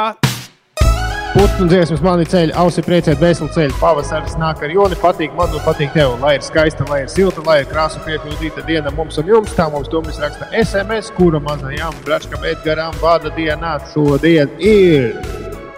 Wow. Rekur, uh, Dāna grib astronautu dzirdēt. Dānai šodien vārdu diena ir. Uh, Tad uh, varētu vēl Dānai uzlikt astronautu. Bet kādam jāsaka stop, jo es tagad skriešu pa visām astronautu dziesmām. Ārprāts, cik mums ir daudz astronautu dziesmas. Es esmu. No, no, kaut kur nospiedīšu Ines, stop sa- un tad uh, aizies. Bet Kas ir? Kas ir? Kas tev neliek? Ines saka, tu, es sasmējos par krapis reini, viņš grib misu mārplu dzirdēt. Mēs... Labi, ā, es tagad ā, taisu, jā, skrienu pa dziesmām, Ines, un tu lūdzu pasaki stop. Un, un Ines, vēl man liekas, ka tu Edgars Turlai neapsveic vārdu dienā. Jā, es arī savu brālēnu Edgars Jeremānu neapsveicu vārdienā, Jā. bet Edgars ir tik daudz. Bet nākamgad, Uh, bet nākamgad to izdarīs. Labi, es tagad, Aizsūtīšu privātu sveicienu. es tagad Uh, skrienu labi. astronautu dziesmām, tu man saki stop. Es saku, stop! Rabarberi dejo. Jūs zināt tādu astronautu dziesmu? E, Es Dzirdēta kaut kad ir bijusi. Vai ne? Ir vismaz jāstra un rītam noderīgi. Dānā sveiciens tev vārdu dienā. Uh, vēl kāds divas dziesmas mums sanāks, kas jāspēlē 293, 202, padodiet ziņu. Lai arī kurš vai kura ir tā, vai tas, kas vēlējās dzirdēt, kas seibien. Nekad nav parakstījusies šī persona. Tā personai tagad diena ir uzlabota, kas seibien. Tavā rīta radio Lost Souls Forever. Pirms tam astronautu un rabarberu dejo notiek piecu rītu improvizētais apsveikumu koncerts, dziesmu pasūtījumu koncerts. Stulbākais ir tas, Valdis no Smiltenes raksta, ka tikko par radio dzirdēju, ka Edgariem vārdu diena. Amā mašīnā blakus kolēģis sēž Edgars. Nu, Edžiks, priesteris Vasja. Priesteris Vasja, sveiciens vārdu dienā, lai viss tev forši. Es gribu apsveikt savu topošo vīru dāvu dzimšanas dienā, raksta Linda, un palūgt, palūgt, lai jums superīga diena, un jūs esat forši. Ne, Linda gribēja kaut ko no Maka Millera, bet Maks Millers mums te tagad, diemžēl, Linda loterijā neietrāpīsies. Es vēlos, jā, loterijā mums ietrāpīsies kaut kas nedaudz cits. Ko Ulu tu gribēji teikt? Nē, es neko Bija klusēju ka kāds bija sajūta, kā Maks Millers. Bijis, nu, kā, tas, ir ļoti melns joks, jo Maka Millera nav jau sen. Nu, viņš klusē tātad. Jā. E, nē, man liekas, Bet, Ines sita pa, sita pa datoru vai kaut ko tādu. Kāds no jums kaut kādu skaņu padeva? Es pilnīgi saraustījos. Es neko. Labi, tu, neiz, tu paldies Dievam, neizklausies tik dusmīgi, kā man šķita, ka tu izklausīsies nākamreiz, kad mēs tevi izdzirdēsim. 8,27 Inês pastāst. spoks. Pastāst, droši vien. Inês pastāst, kas notiek. Tuvākajās dienās Latvijā būs mainīgs mākoņu daudzums, gaisa temperatūra pazemināsies un dažkārt gaidāms lietus un sniegs, tā prognozē sinaptiķi. Zaļajā ceturtdienā eh, rīt daudz vietu uzlīs, vairāk nokrišņu būs Sēlijā un Latgalē, gaisa temperatūra plus 7, plus 13 grādi. Lielajā piekdienā valstī ieplūdīs vēsāks un sausāks gaiss no Arktikas. Jā, gaisa temperatūra noslīdēs līdz eh, plus 1, mīnus 2 grādiem. Dienas laikā tā paaugstināsies līdz plus 7, plus 11.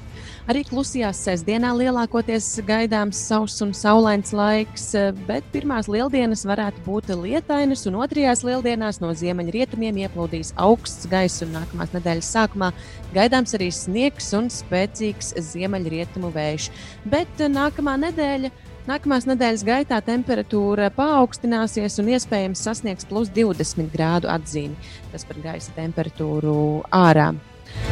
Uh, Uhaņa, kur decembrī sākās koronavīrusa uzliesmojums, šodien, at, šodien to atver un cilvēkiem ir atļauts atstāt pilsētu, ja viņi ir veseli. Tā paziņojušas Ķīnas varas iestādes, bet tikmēr Amazonas pamatiedzīvotāji Brazīlijā sākuši konstatēt pirmos iespējamos Covid-19 gadījumus.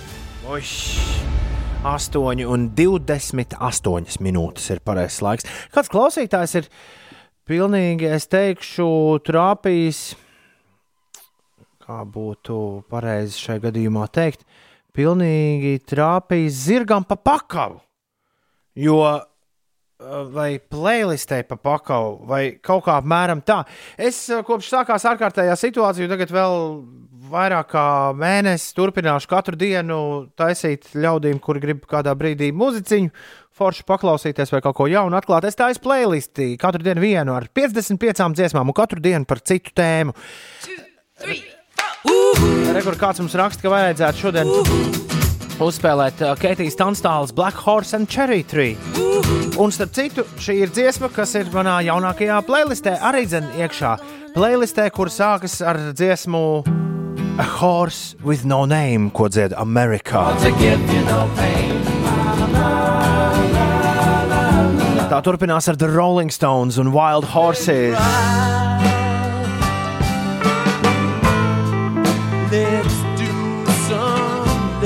Tad, tu, tad sako Brūss Springsteins un Jason Wild Horses. Un tad Margarita Vilcāna ar Ojāru Grīnbergu dzied Raimonda Paula dziesmu Zirgu tirgus.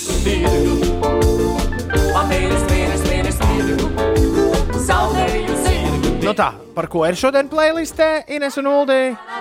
Par zirgiem! Jej, 55 Vai- dziesmas par zirgiem.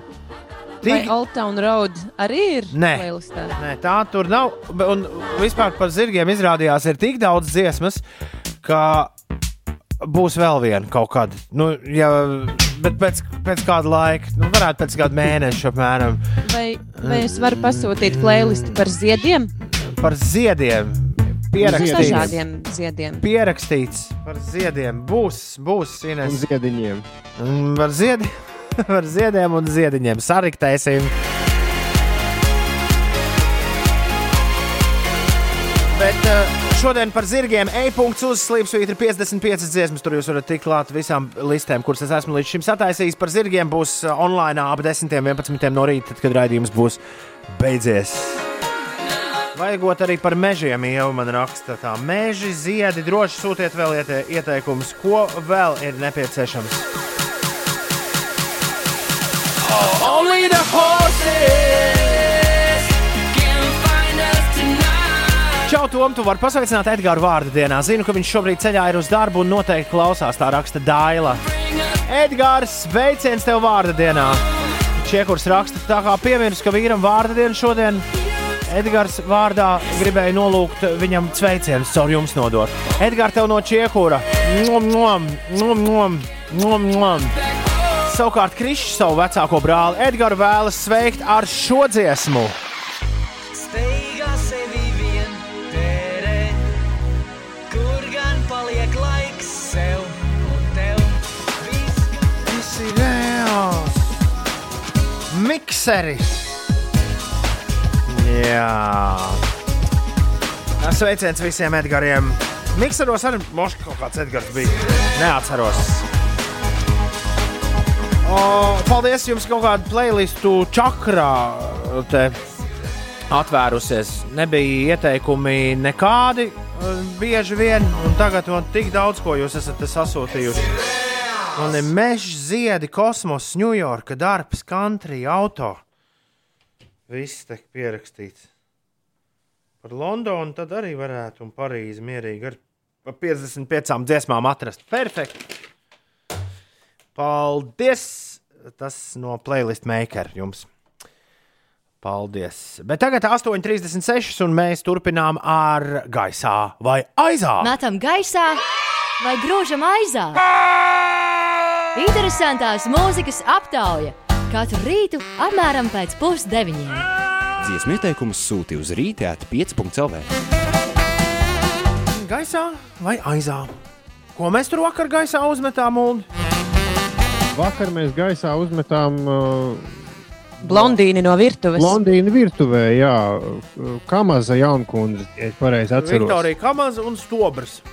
Viktorija Kamaza un Stobrs abi divi uzlidoja gaisā ar šo hitu. Geto blondīne, virtuvei, nesauc mani uz dārgiem restorāniem. Negribu tev skaista gorīties pie sāniem, netaisos no tevis piķi plēst. Mīļais, labāk pasaki, ko tu gribi ēst? To Ko tu gribi ēst? Ko tu tagad gribi ēst, Ines? Ko tu gribi ēst? Es nezinu, vēl neesmu izdomājis. Tu gribi kaut ko ēst, Ulu, Gaļas pankūku. Oi, cik tas būtu labi. Kur lai es pie tādām tieku? Kas stājas pretī šorīt geto blondīnei virtuvē? Pretī, pretī mums stājas uh, klausītāji iesūtīta Dzintara. Dzintara. Dzintara iesūtīta dziesma. Dzintars mums ir cī- cītīgs sūtītājs. Viņš ir iesūtījis šo to, kas mums jau ir skanējis šeit agrāk, bet uh, šo mēs nebijām dzirdējuši. Viss, ko mēs zinām, ka dzied kungs brillēs un šaulē. Uh, cerams, ka tur nav rūpība, lai gan īstas pārliecības nevienam nav ieskaitot pašu kungu, man liekas, kas to dzied. Un, un dziesmu sauc vienkārši tā, to nosauc dzintars Rintintintin. Tin, tin, tin, tin. Klausāmies!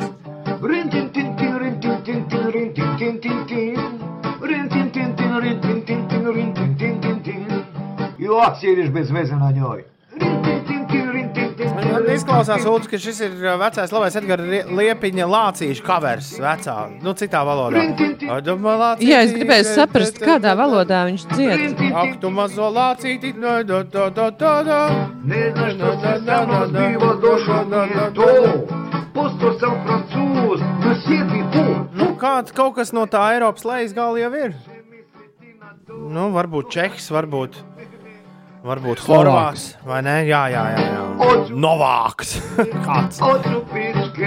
Rintin, tin, tin, tin, tin, tin. Šorīt uh, blondīnai virtuvē stājas pretī. Lai, lai, ali da. 293, 202, nu būs jums lemt, kura dziesmiet gaisā, kura krīt šorīt aizā. Ali daj, daj, daj. A mala čuješ li ti mene, daj pičke, daj pičke, daj. Ovak sjediš bez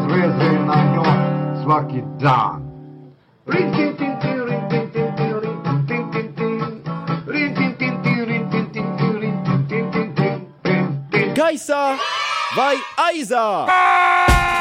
Interesantās mūzikas aptauja.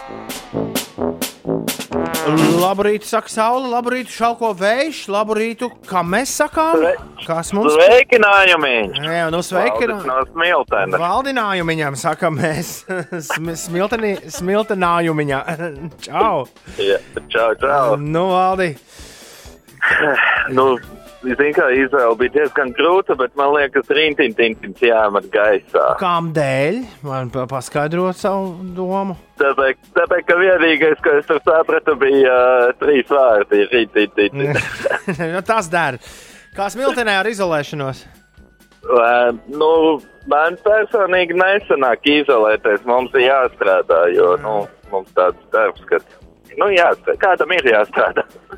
Turi būru. Tur būvā slimība ārā, veselība iekšā. Sarunāts? Jā, dāvāj, paldies. Čau. Jauka diena un vakarā arī jums. Atā!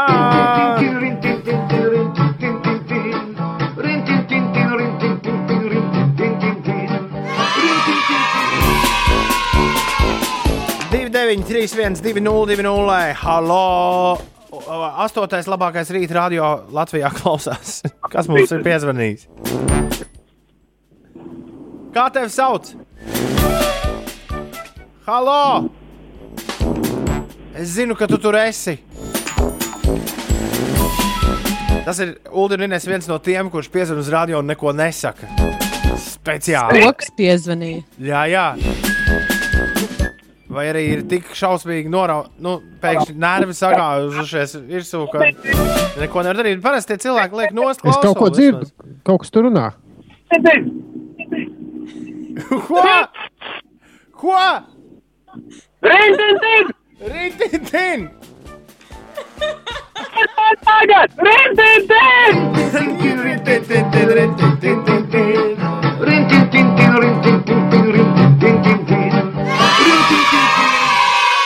Lai arī ļoti mazrunīgs, bet ļoti, ļoti, Jā? ļoti pārliecinošs balsojums. Tu klausies? Ei, man atkal pogas sagāja. Tu klausies? Ziemē. Jā, jā, es klausos. Es gribēju kamazas jaunkundzi vai kundzi. Aizājāmies. Tas nu ir darīts. Man raksta, ļoti ka, patika šis zvans. Anēt raksta, ka Geto blondīna liekas par labu šai rubrikai. Jo jau var tortes kratītāju iekļaut ikdienas playlistē, tad varbūt geto blondīna arī varētu. Mazums palīdzēs daudzām dāmām. Nu, nevarētu gan. Bet uh, labi. Lai nu paliek. Jā. Padomāsim vēl. Mēs Mūzika, pēc, uh, mūzikas sapulcē. pēc uh, gaisā vai aizā vienmēr tāds klusums iestājas, jo nu, īsti vairs jau nav ko teikt. Sadarbs laiks un laikmets. Uz kuru datumu sadarbs pārcēlā koncertu Ines, uz kuru es netiku toreiz, un tu gribēji ļoti iet uz kaut ko dikti tuvu. Es tagad sāku domāt, Uz māju. Es neatceros, kur datumu, bet man šķiet, ka uz māju viņi es tagad pārcēla. domāju ka koncertu. tik nebūs jāceļ vēlreiz. Uh, tā, tā, tā, tā, tā, tā, tā. Koncerti! Es ticu līdz viņiem. Tā, tā, tā, tā, tā. Oh. 22. maijā. Pagaidām vēl der. Tas tik būtu kaut kas. Pirmais koncerts pēc visa šī un sadanlaits. Ir 8,54. Labrīt! Labrīt,